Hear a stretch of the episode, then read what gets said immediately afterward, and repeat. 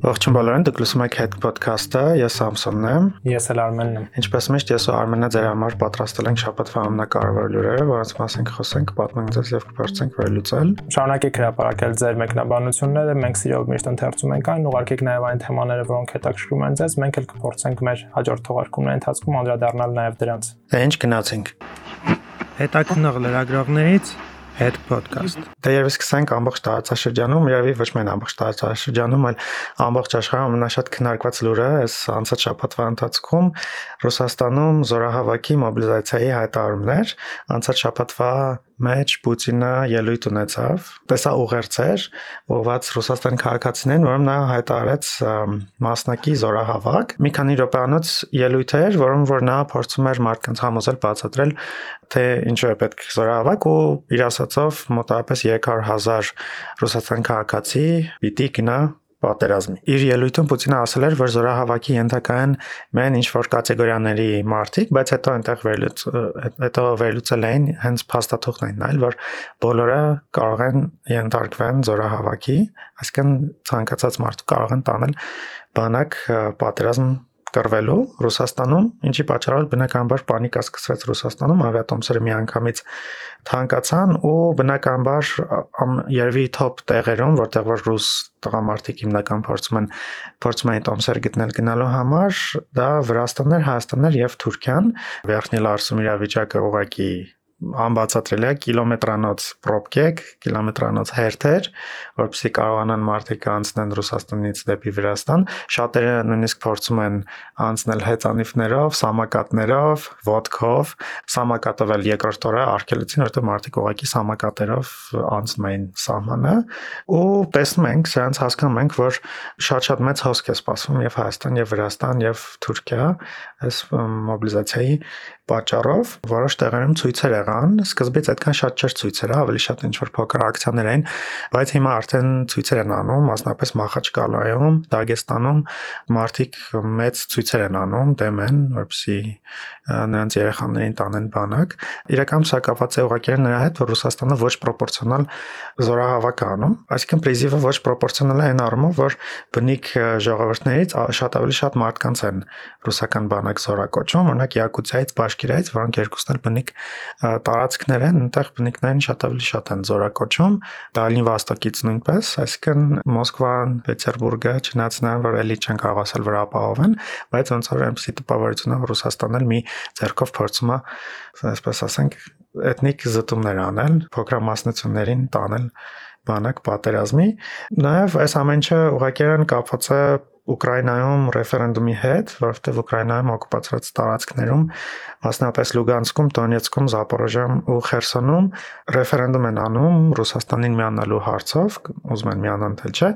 կտևի 5 օր ռեֆերենդումը մինչև ամսի 27-ը այդ տարածքները հիշեցնում որ մասնակիորեն օկուպացված են Ռուսաստանի կողմից ու Ռուսաստանը իր համար իրավական հիմքեր է ստեղծում եթե այդ մասերը մտնեն ռեֆերենդումի արդյունքում մենք էլ գիտենք որ ռեֆերենդումի արդյունքում նրանք հաստատ կան այո եթե տարածքները մտնեն Ռուսաստանի կազմի մեջ կստացվի որ Ուկրաինան եթե փորձի դրանք յետ վերցնել, յետ գրավել Ռուսաստանի սուվերեն տարածքի վրա հարցակում կլինի ամեն ամեն դեպքում Ռուսաստանի հիմնավորման պետպես է բնականաբար միջազգային իրավունքով եւ ընդհանրապես ոչ ոք այդ ռեֆերենդումի արդյունքները չի ընդունի երբ բացի Ռուսաստանից ու Բելարուսիայից մի քանի այլ դաշնակիցներից, ինչևէ հիմքեր է ստեղծում Պուտինը, որպեսզի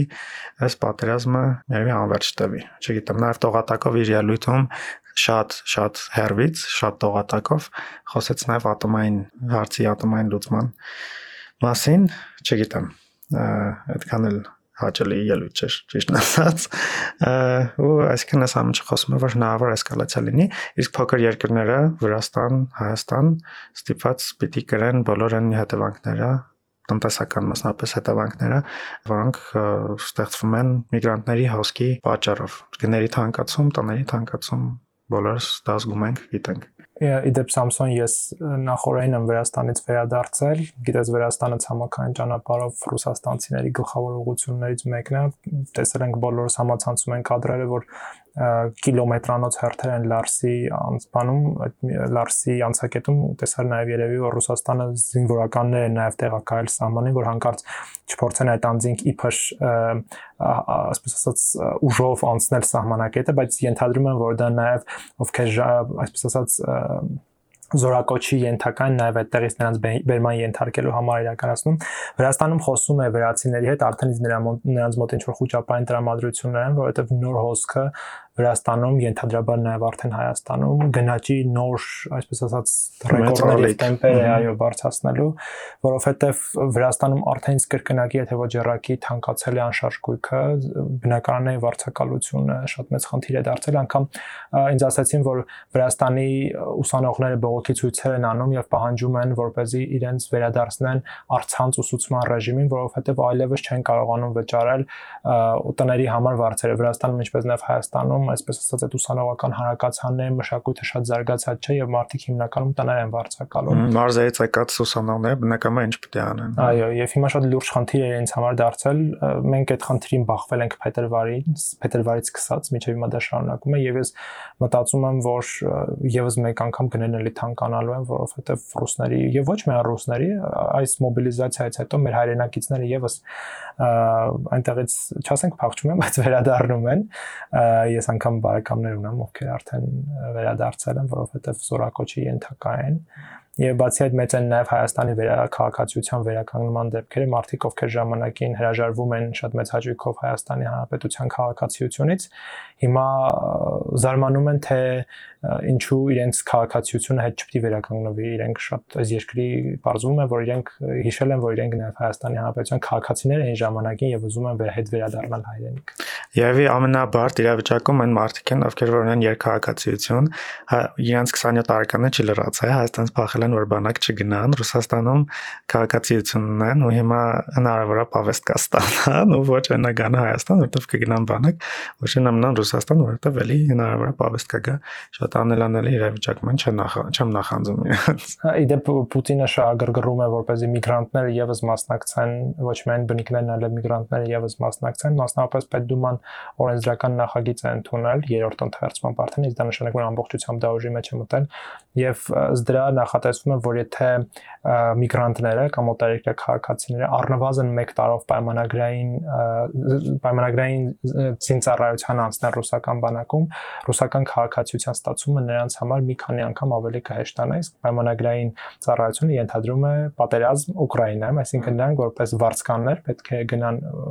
ռուսական բանակի կազմում կռվելու Ուկրաինայում, դրա դիմաց կհեշտացվի Ռուսաստանի քաղաքացիություն ստանալու նրանց հնարավորությունը։ Թե ինչքան մարդ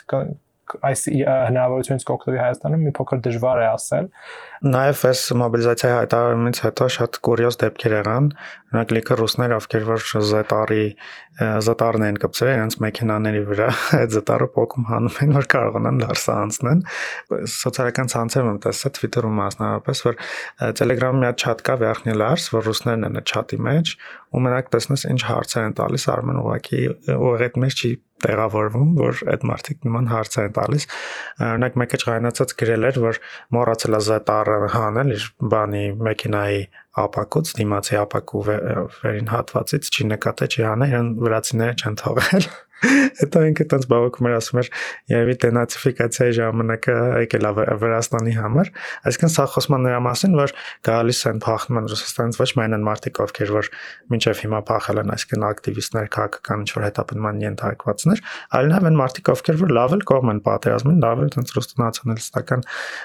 տրամադրվածություններ ունեն, նացիոնալիստներ են ու ուղղակի չեն ուզում գնալ գնալ պատերազմ ուղղակի։ Եվ պրոստը ստատուսչիներ են, այսպես ասած, ովքեր ովքեր տան համակարգչի դեմը նստած ակտիվ քարոզ են անում, բայց մաթեմատիկային չեն ուզում տալ պրակտիկա։ Այո, այնպես չէ որ բոլոր ռուսները ոնք որ կգան այստեղ, պես բան են էլի,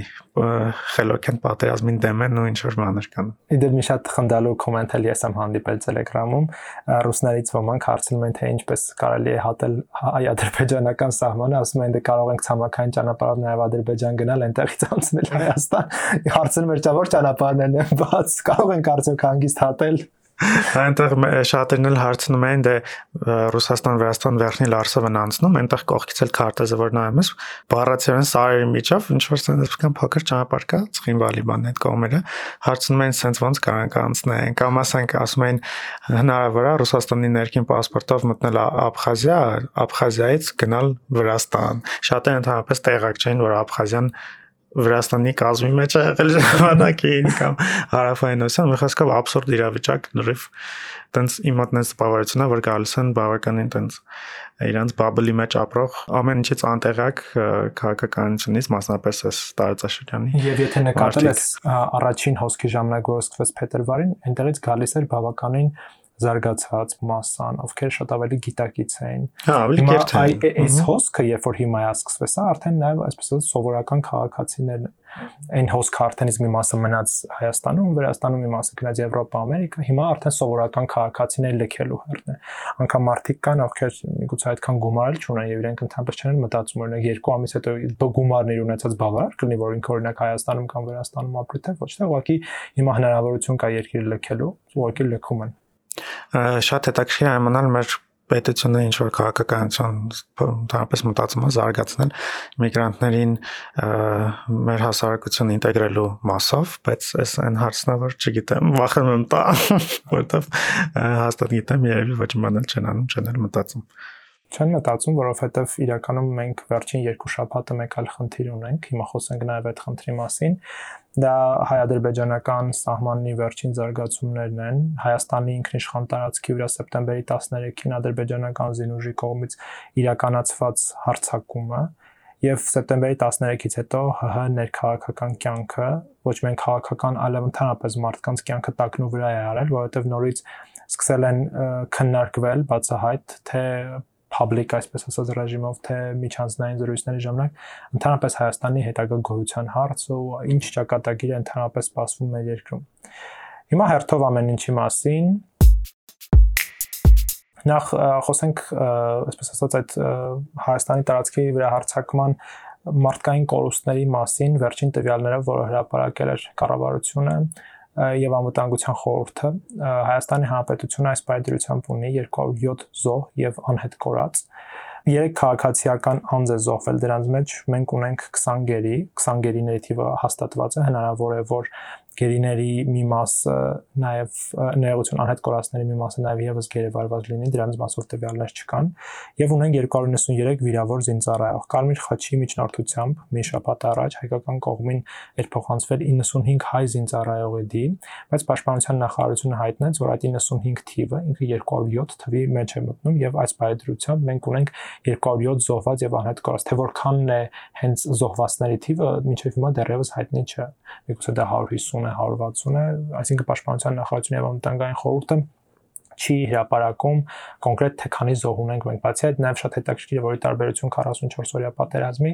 մինչ օրս չի հրապարակվել նաև զոհվածների անուն ազգանունները։ Շատ շատերն ասում են, որ սա տեղեկատվական քաղաքականության տեսանկյունից բավականին ճիշտ է, որովհետև լրացուցիչ, այսպես ասած, էմոցիոնալ ֆոն ինքը երկրում չի ստեղծում, բայց շատերն էլ ասում են, որ սրանով, չգիտեմ, փորձում են կոծկել կամ թաքցնում են, չեն հրապարակում տվյալներ, թափանցիկ չեն աշխատում։ Ամեն դեպքում որոշակի առումով փոխվել է պաշտպանական գերատեսչությունը տնտեսչության տեղեկատվական քաղաքականությունը։ Այնտեղ վիդեոներ էլ որ ադրբեջանցիները հրապարակել են, որ որոնց որ երևում են գերիները, հա, այդ գերիների մեջ ցավոք սրտի առնվազն մի քանի զինծառայող կա, որոնց մարմիններն են վերադարձել, այսինքն սա նշանակում է, որ իրancs գերեվարության մեջ սպանել են ու այդ հարցով կարծեմ դիմել են մի հետ։ Այո, մի մի հետ են դիմել, մի հետից պահանջել են, որպեսզի Ադրբեջանը վերջնական հրապարակի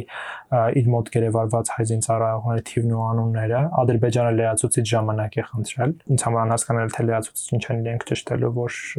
չմիջև հիմա այսպես ասած չեն ճշտել եւ այդ ինֆորմացիան չունեն իդեպ իմ համակարգացիներից մեկը եւս պաշտոնապես գերիների ցուցակում է եւ Կարմիր խաչը հաստատել է նրա գերեվարման հանգամանքը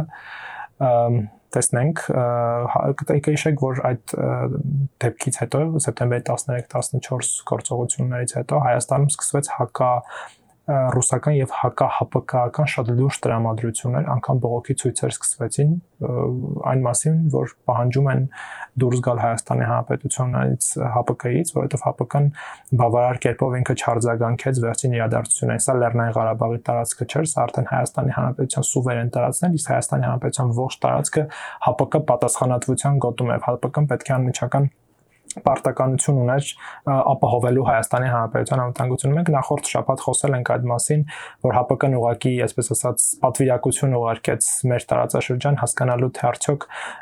այդպիսի բախումներ եղել են թե ոչ, արդյոք հայկական կողմի բնդումներն իրավացի են, որովհետև ՀԱՊԿ մեր ռազմավարական այսպես կոչված դաշնակիցները մեզ մեղադրում, ոչ թե մեղադրում են, այլ նշում են, որ երկու կողմից գալիս են տվյալներ, որոնք իրարամերժ են եւ իրենք չեն հասկանում, որ տվյալներն են իրականության համապատասխանում Նույն սեպտեմբերի 21-ին Հայաստանի Հանրապետության վարչապետի նախագահին ուղված շնորհավորական ուղերձներում Պուտինը ասում էր, որ Հայաստանի Հանրապետությունը իրենց ռազմավարական դաշնակիցն է, իրենց բարեկամ երկիրն է, նրանց այսպես շեշտադրումներ չեն փոխվել, բայց ամեն դեպքում գործնականում գոնե մենք նրանց այդ բնդումները չենք տեսնում միջազգային հանրությունը շատ մեծ անդրադարձ է ունեցել այս բախումին մենք արդեն խոսել ենք Միացյալ Նահանգների Եվրամիության Թուրքիայի Իրանի արձագանքներից, բայց Թուրքիան շարունակում է, այսպես ասած, միակողմանի հայտարարությունները, Թուրքիայի փոխնախագահ Ֆուակ Տոկտայներ ինքը ան անընդունելի համարել Նենսի Պելոսի այցը Հայաստան, նշել է, որ դա ել ավելի է խորացնում արկա հակասությունը, չնայած Թուրքիայի հայտարարություններից ավելի խորացնող որևէ այլ երևույթ մինչև հիմա դեռևս տեղի չեն ունեցել։ Շարունակում են հանդիպումները հայ-ադրբեջանական։ Գիտեք, որ այս օրերին Նյու Յորքում ընթանում էր ՄԱԿ-ի գլխավոր վեաժողովի գլխավոր ասամբլեայի 77-րդ նստաշրջանը եւ դրա շրջանակներում պետությունների ղեկավարները, նախարարները, արտաքին գործերի հանդիպումներ էին ունենում։ Նյու Յորքում էին գտնվում վարչապետ Փաշինյանը, արտաքին գործերի նախարար Միրզոյանը, անվտանգության խորհրդի քարտուղար Արմեն Գրիգորյանը։ Բազմաթիվ հանդիպումներ են եղել, հատկապես արտգործ նախարարը, անգամ նա շատ կարճ զրույցեր ունեցել Արդ Միրզոյանը նախագահ Ջո Բայդենի հետ Նիկոլ Փաշինյանն էլ հանդիպել էր Անթոնի Բլինկենի հետ, նաև ՆԱՏՕ-ի գլխավոր քարտուղար Յենս Ստոլտենբերգի հետ, որևէ այլ մանրամասներ սա չի ասում, սակայն շատ իմ կարծիքով շատ հետաքրքիր ուղերձ է, որովհետև լրատվամիջոցները գրում են, որ գիտեք որ այս օրերին ԶԱՍ-ը եւս ՀԱՊԿ գլխավոր քարտուղար Հայաստանում էր եւ Նիկոլ Փաշինյանը չի ընդունել ԶԱՍ-ին, սա ինչ որ կերպ սիմվոլիկ ուղերձ է, որ հանդիպում ես Նյու Յորքում ՆԱՏՕ-ի գլխավոր քարտուղարի հետ, իսկ Հայաստանում օրինակ ՀԱՊԿ գլխավոր քարտուղարին, որի մասն ես նաև դու չես ընդունում, սա ինչ որ հետաքրքիր ուղերձներ են։ Բայց գլխավոր հանդիպումը, որը կապված էր Ղարաբաղյան թեմատիկայի հետ, դա Անթոնի Բլինկենի կազմակերպած Բայրամով Միրզոյան Բլինկեն երակոմ հանդիպումն էր, որի ժամանակ կողմերը քննարկեցին ընդհանրապես հայ-ադրբեջանական հարաբերությունները, վերջին լարվածությունը եւս տարածված հաղորդագրության Բլինկենը կողմերին կոչ էր արել նվազեցնել սրումը։ Հետաքրքիր է նաեւ Փաշինյանի ելույթը ՄԱԿ-ի գլխավոր ասամբլեայի նիստի ժամանակ հետաքրքիր հարցադրում բարձրացրեց Փաշինյանը, այսպես ասած ռետորական հարց ուղված Ադրբեջանի նախագահ Իլհամ Ալիևին։ Փաշինյանը ասում էր կոչ էր անում Ալիևին, որ նա ցույց տա այն քարտեզները, որը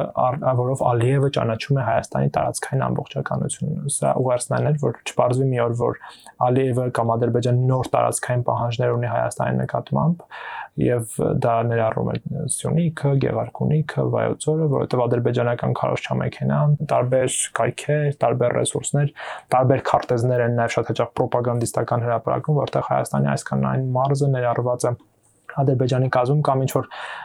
կեղծ պետություններ են ստեղծվում հայկական տարածքի վրա, Գյոչա, Զանգեզուրի հանրապետություն, Գյոչա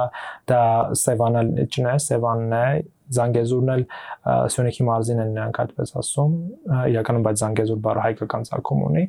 եւ տարբեր ինչ որ կվազի պետություններ են ստեղծ փորձում ստեղծել Հայաստանի տարածքում։ Միջև հիմա ադրբեջանական կողմը չի արձագանքել,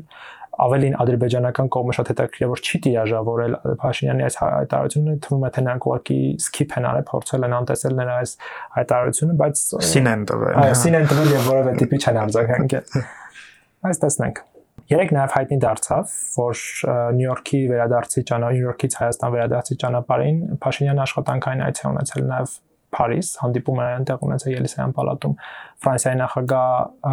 Էմանուել Մակրոնի հետ։ Մակրոնը հանդիպման ընթացքում հայտարարեց, որ շատ կարևոր բանակցություններ ունեցել Նիկոլ Փաշինյանի հետ եւ ինք առաջիկայում սպասում է, որ հերախոսազրույց կունենա նաեւ Ադրբեջանի նախագահ Իլհամ Ալիևի հետ, մինչեւ հիմա դեռևս հաղորդագրություն չի տարածվել։ Մենք մեր ձայնագրությունն իրականացնում ենք սեպտեմբերի 27-ի առավոտյան ժամը 11-ի դրությամբ տեսնենք թե ինչ կլինի եւ շաբաթվա ընթացքում նաեւ հայտնի դարձավ որ հնարավոր է Պրահայում եվրոպական քաղաքական համայնքի հանդիպման շրջանակներում կայանա Էրդողան Նիկոլ Փաշինյան հանդիպումը թուրքական կողմն էր առաջին այդ մասին հայտարարել, չբացառելով նման հանդիպման հնարավորությունը, ավելի ուշ Հայաստանի արտաքին գործերի նախարարությունը եւս չէր հետքել, որ հնարավոր է, որ նման հանդիպում կանա, այդուհանդերձ դեռևս կողմերը վերջնական հանդիպման մասին որևէ հայտարարություն չեն անում թեման ամփոփելով մի շատ ցավալի, ամոթալի դեպքի մասին խոսենք, որը շատ այսպես ասած պիտակ է խարանը մեր ամբողջ քաղաքական կյանքի, քաղաքական գործընթացների վրա Սեպտեմբերի 21-ին երևի կհիշեք, որ միջադեպ տեղի ունեցավ Եռաբլուրում, նախ գիշերը զոհված զինծառայողների հարազատները հավաքվել են Եռաբլուրում եւ հայտարարել հայտարարում են, որ իրենք թույլ չեն տալու Նիկոլ Փաշինյանի եւ Բացասյան մյուս պաշտոնյաների մուտքը Եռաբլուր առավոտյան հատուկ ջոկատայինները, կարմիր բերետավորները բռնության կիրառմամբ զոհված զինծառայողների մայրերին դուրս հանեցին Եռաբլուրից եւ Փաշինյանը եւ մյուս պաշտոնյաները կարողացան մտնել արդեն Եռաբլոր սա շատ ամոթալի իրադարձություն էր ոչ միայն ոստիկանության, այլև Փաշինյանի եւ նրա կառավարության համար, որովհետեւ նրանք տարիներ շարունակ քննադատում էին Սերժ Սարգսյանին եւ մյուս պաշտոնյաներին, որ նրանք շատ վատ են վերաբերվում զոհվածին ծառայողների մարերի նկատմամբ կհիշեք երևի որ բազմիցս դեպքեր էին գրանցում եւ նախագահականի դեմից Բաղրամյան 26-ի դեմից զոհված այլ զինծառայողների մարերի նկատմամբ են հատուկ ջոկատայինները կարմիր բերետավորների բռնություն կիրառում եւ հիմա նույն պրակտիկան փաստացի անում են նաեւ Փաշինյանն ու իր կառավարությունը Սևազգեստ մայրերի հանդեպ երևի բոլոր կառավարությունների ժամանակ միշտ բռնություն է կիրառվել ու տպավորություն է որ սևազգեստ կանայք խնդիր են հա պետության համար այսինքն իրենց բողոք իրենց վիշտը ինչ որ գլխացավ առաջացնող ինչ որ բան է դրա համար իրենց միշտ ցենց են վերաբերվում շատ իրոք շատ ամոթալի է այս ամեն ինչը որ չգիտես ինչ ասես ոչ միայն ամոթալի է, այլ նաև ամոթալի է նաև այն, որ իշխանական կողմը լռում է սրա մասին, որովհետեւ մեկնաբանություն չեն անում իշխանության գործողություններին, ոմանք էլ որոշ բլոգերներ պնդում են թե իբր դա իշխանությունից կամ ոստիկանապետից իջած հրահանգ չէր, այլ ներքին սադրանք էր ոստիկանության մյուս պաշտոնյաների կողմից, ովքեր այսպես ասած անդիմադիր հայացքներ ունեն եւ դրանով փորձում են Փաշինյանի հեղինակության վրա ազդել, բայց ամեն դեպքում դա տեղի ունեցել նրա այցի շրջանակներում, իրենք ուղղակի պարտավոր էին կանխել նման ցանկացած սցենար եւ այս ողջ պատասխանատվությունը բնականաբար ընկած է նրանց վրա։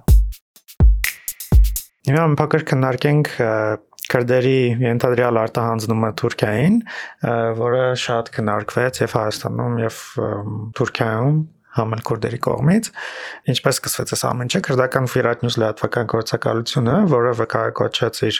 քրդական ժողովրդավարական ինքնապաշտպանության ուժերի ուժերում աղբյուրներին, HPG-ին, հա, գրել էր, որ Հայաստանը Թուրքիային է արտահանձնել երկու քուրդ մարտիկների ու ըստ HPG-ի 2021-ի օգոստոսին Հայաստանի հետ սահմանային կոթում նրանց վերման էին ենթարկել, կալանավորել եւ հետո մեղադրանք առաջադրել ըստ HPG տարածած այդ հայտարարության այս երկու քրդերը դատական process միջով են անցել եւ վերաքննիչ դատարանը նրանց ազատ է արձակել այս տարվա փետրվարի 23-ին եւ նրանք գրել են որ նրանց առավանգեցին եւ կալանավորեցին հայկական հետախուզության կողմից թուրքական լրատվամիջոցները հետաքրքիր է որ այս իրադրությունը ներկայացրեցին որպես Թուրքիայի ազգային հետախուզական գործակալության, այդ MIT կոչվածի հաջողված օպերացիա, իսկ մեր Հայաստանի ազգային անվտանգության ծառայությունը երկեց քուրդ զինյալներին հանձնելու առնչվող մեղադրանքները ու ասաց, որ դրա համար նախ իրավական հիմքեր չկար եւ որ փորձ արվում թիրախավորել ԱԱՑ-ին ու որ անձանց հանձնման գործընթացը դուրս է նրանց լիազորություններից, այդ լիազորությունները ունի արտադրության նախարարությունը, որը նույնպես մեկնաբանել էր այս տեղեկատվությունը եւ ասել էր, որ հերքել էր քրդերին հանձնել տեղեկությունը, ասել էր, որ դա նույնիսկ չի քննարկվել, նաեւ ինֆորմացիա տարածվեց հայկական կողմից այն մասին, որ այս երկու քրդերին, կուրզինյաններին մցրել են պրոբացիոն համակարգ եւ նրանք ըստ օրենքի պիտի ներկայանան պրոբացիոն ծառայություն, բայց նրանք այդ չեն արել եւ նրանց հանդեպ հետախուզություն է հայտարարվել եւ հիմա հայկական կողմը տեղյակ չի թե նրանք որտեղ են։ Ազգային ժողովի падգամավոր Գեգամ Մանուկյանը միանգամից մեղադրեց Փաշինյանի կառավարությանը, այսպես բանը էմոցիոնալ ստատուս էր գրել, որ մեր քուրդ եղբայրների պայքարը այսպես դավաճանվեց եւ նրանց հանձնեցին թուրքերին։ Ամեն դեպքում շատ մութ անհասկանալի պատմություն է, բայց մի քանի հարց են ցակում կոնկրետ իմ համար։ Նախ ես գրեթե համոզված եմ, որ սա կարող է լինել ռուս-թուրքական ինչ-որ համատեղ օպերացիա, որովհետև հիշենք, թե ովքեր են, այսպես ասած, կառավարում հայ-թուրքական սահմանը, դա ռուսական սահմանապահ զորքերն են, որոնք որ Հայաստանի ամբողջ սահմանով տեղադրված են եւ կարելի ասել սահմանային բոլոր միջադեպերը առանց ռուսների մասնակցության տեղի չի ունենում նրանք են հա մենեջ անում հա ասենց ասենք ու միգուցե հայկական կողմը տեղակ է եղել այս օպերացիայի մասին միգուցե տեղակ չի եղել հնարավոր է որ ընդհանրապես տեղակել չեն եղել բայց ամեն դեպքում կարծում եմ սա ինչ որ ռուս-թուրքական պայմանավորվածության հիման վրա է եղել նաև հաշվի առնելով այն որ Ռոժավայից Նուբար Օզանյանի բրիգադը հա կանանց բրիգադը մի քանի օր առաջ հայտարարություն էր տարածել վիդեո ելույթ էր տարածել, որոնց որ իր զորակցություններ հայտնում հայերի պայքարին ադրբեջանական այդ ներխուժման դեմ եւ խոսում էին կանայք խոսում էին Անուշ Ապետյանի եւ այլ կանանց դաժան սպանությունների մասին դատապարտում են եւ իրենց զորակցությունն էին հայտնում չգիտեմ մոտ այնպեսի տպավորություն է որ այս ելույթի այս զորակցության ֆոնին փորձում են քրդերին լարել Հայաստանի դեմ եւ Հայաստանի կառավարության դեմ շատ կոշտ հայտարարություններ եղան Փաշինյանի կառավարության հանդեպ ամեն դեպքում դեռ բոլոր մանրամասները չգիտենք ամեն կողմը իր տեսակետն է ներկայացրել ու այստեղ ուղղակի հավանաբար չենք էլ իմանա իրական ինչ է տեղի ունեցել բայց այն որ սրանից սրա արդյունքում հայ քրդական բարեկամական հարաբերությունները սրանից դուժեցին այդ փաստ է Հիմա շատ հակիրճ անդրադառնանք նաև մի քանի այլ քաղաքական իրադարձությունների, որոնք տեղի ունեցան այս շաբաթվա ընթացքում։ Սեպտեմբերի 22-ին Էջմիածնում Գարեգին երկրորդ կաթողիկոսի հրավիրով հանդիպել են ՀՀ բոլոր նախկին նախագահները՝ Լևոն Տեր-Պետրոսյանը, Ռոբերտ Քոչարյանը, Սերժ Սարգսյանը եւ Լեռնային Ղարաբաղի նախագահները Արկադի Ղուկասյանն ու Բակո Սահակյանը։ Իդեպ հանդիպմանը չէր մասնակցում 4 նախագահ Արմեն Սարգսյանը։ Որտեղ իր կոստյումը, որ Հայաստան հետ կգա, տենց էլ չի կատա։ Այո, մեր հետաքննությունից հետո Արմեն Սարգսյանը հայտարարել որ ինքը շատ արագ վերադառնալու է Հայաստան, բայց մենք միջև հիմա պարոն Սարգսյանի վերադարձին ենք սպասում, ինքը դեռևս չի վերադարձել։ Ինչևէ անդրադառնանք Էջմիածնի հանդիպմանը, հանդիպումից որևէ մանրամասներ չեն հայտնի չէր դարձել, միայն հայտարարություններ տարածվել, որ նրանք պայմանավորվել են հետագամ եւս շարունակել այս ֆորմատով հանդիպումները, բայց նախորդային առաջին նախագահ Լևոն Տեր-Պետրոսյանը հարցազրույց էր տվել հանրային հեռուստաընկերությանը, որտեղ որոշակի մանրամասներ այսպես ասած բացահայտել Լևոն Տեր-Պետրոսյանը հրապարակեց իր կազմած մամլո հաղորդագրությունը, որը կողմերը չեն կարողացել պայմանավորված, որը շուրջ կողմերը չեն կարողացել պայմանավորվածություն ձեռք բերել։ Ըստ այդ հաղորդագրության եւ Լևոն Տեր-Պետրոսյանը վերահաստատեց իր այդ առաջարկը այդ հարցազրույցի ընթացքում, որ ինքը առաջարկել էր նախկին նախագահներին, որպեսզի նրանք նստեն մի սեղանի շուրջ Նիկոլ Փաշինյանի հետ եւ քննարկեն արկա բանակցային գործընթացը ինչ է հիմա Հայաստանից պահանջում Ադրբեջանը եւ որպես այդպեսին տեղեկատվական օգնություն տրամադրեն Փաշինյանին բացի այդ Լևոն Տեր-Պետրոսյանն առաջարկում էր որ բոլոր նախագահները միասին Փաշինյանի հետ իրենց վրա վերցնեն ամբողջ պատասխանատվությունը Հայաստանի հետագա քաղաքական ճակատագրի, որովհետև հիմա նժանին դրած է Հայաստանի ինքնունության, ինքնավարության, գոյության ընդհանրապես հարցը եւ ըստ Տեր Պետրոսյանի բոլոր նախագահները Փաշինյանի հետ միասին պետք է այդ բեռը ստանձնեն իրենց վրա։ Մինչև հիմա որևէ արձագանք չկա որևէ կողմից, վաղը սպասվում է սեպտեմբերի 28-ին սպասվում է Ռոբերտ Քոչյանի ասուլիսը, հավանաբար լրագրողները նրան այդ հարցը կտան, իսկ մենք այս թեմայի մասին խոսենք մեր հետագա թողարկման շրջանակներում։ Ռոբերտ Քոչյանը երկար դաթարից հետո հանդիպել է իր աջակիցների հետ, հենց իր աջակիցների պահանջով ամսի սեպտեմբերի 19-ին եւ այդ հանդիպման ժամանակ մի քանի բաներ ասել, որ կարծում ենք պետք է տեղեկացնել մեր լսարանին նա հայտարարել է որ նրանք աշխատում են մեկ այլ ծրագրի վրա եւ հիմա ցիտում եմ նրան որ եթե ժողովուրդը զարթնել է թմբիրից պետք է սկսել գնալ մինչև վերջ այս հանդիպումը քաղաքացիների հետ կարծես թե նրա համար էր որ Քոչարյանը ասի որ նրանք դեռ թեմայի մեջ են, պայքարի մեջ են, նա հենց այդպես էլ ընդհանրեց, ասաց մենք թեմայի մեջ ենք դեռ եւ հանկարծ թող ոչ ոքի մոտ տպավորություն չստեղծվի, որ նրանք մի կողմ են քաշվել կամ հեռացել են ակտիվ քաղաքականությունից հիշեցնենք, որ Հայաստան խմբակցությունը չի մասնակցում ԱԺ-ում քննարկումներին, ԱԺ-ում որևէ գործունեությունը կարծես դադարեցրել է, որովհետև հանձնաժողովների նիստերին էլ չեն մասնակցում, այսինքն ընդհանուր առմամբ բոյկոտում են, ընտրել են բոյկոտի ճանապարհ։ Ամեն դեպքում Քոչարյանը այսպեսի հայտարարություն է ասել եւ դրանից հետո էլ արդեն տեղի ունեցավ էջմիածնում հանդիպումը Գարեգին երկրորդի եւ այլ նախագծների հետ։ Եվ այս շաբաթվա վերջին լուրը, որ առանձնացրել ենք ձեզ համար, մի քանի օր առաջ Երևանի փոխքաղաքապետի պաշտոնում նշանակվեց Հայաստանի նախկին փոխվարչապետ Տիգրան Ավինյանը։ Երևանի ավականու անդամներից 44-ը կողմ քվեարկեցին Ավինյանի տեխնացությանը, երկուսը ձեռնպահ են, դեմ ձայներ չկան։ Գիտեք, որ 2023 թվականի սեպտեմբերին Երևանում նախատեսվում են ավականու ընտրություններ եւ ըստ այդմ Երևանը կունենա նոր քաղաքապետ։ Տիգրան Ավինյանը քաղաքացիական պայմանագիր կուսակցության տեխնացուն է, դրա մասին պաշտոնապես հայտարարվել է եւ փաստացի Ավինյանը փոխքաղաքապետի պաշտոնում սկսում է իր քարոշչական ընտրարշավը։ Երեք այլ այս պայն պաշտոնապես երեք այլ տեխնացուների մասին է հայտնի։ Տիգրան Արզականցյանի կինը ազգությամբ ռուս Նատալիա Ռոտենբերգն է հայտարարել, որ ինքը մասնակցելու է քաղաքական պայքարին։ Կուսակցությունը ինձ ընտրել է։ Հայտնի է նաև, որ Ռուբեն Հախվերդյանն է մասնակցելու ընտրություններին, նա եվրոպական կուսակցության կազմում է մասնակցելու եւ ընտրություններին մասնակցելու մասին հայտարարել նաև Լուիս խմբակցության ղեկավար Դավիթ Խաչակյանը, նա հավանաբար Լուսավոր Հայաստան կուսակցությունը կներկայացնի։ Այլ տեխնացուների անուններին նաև շրջանառվում, խոսքը երկրորդ նախագահ Ռոբերտ Քոչյանի որդու Լևոն Քոչյանի մասին է, նաև քննարկվում էր Արտուր Վանեցյանի անունը հայերենի կուսակցությունը հնարավոր է նա ներկայացնի, բայց վերջին երկուսը դեռևս որևէ պաշտոնական օֆիցիալական հայտարարություն այս մասով դեռևս չեն արել եւ կսպասենք տեսնենք թե ինչ է լինելու հետագայում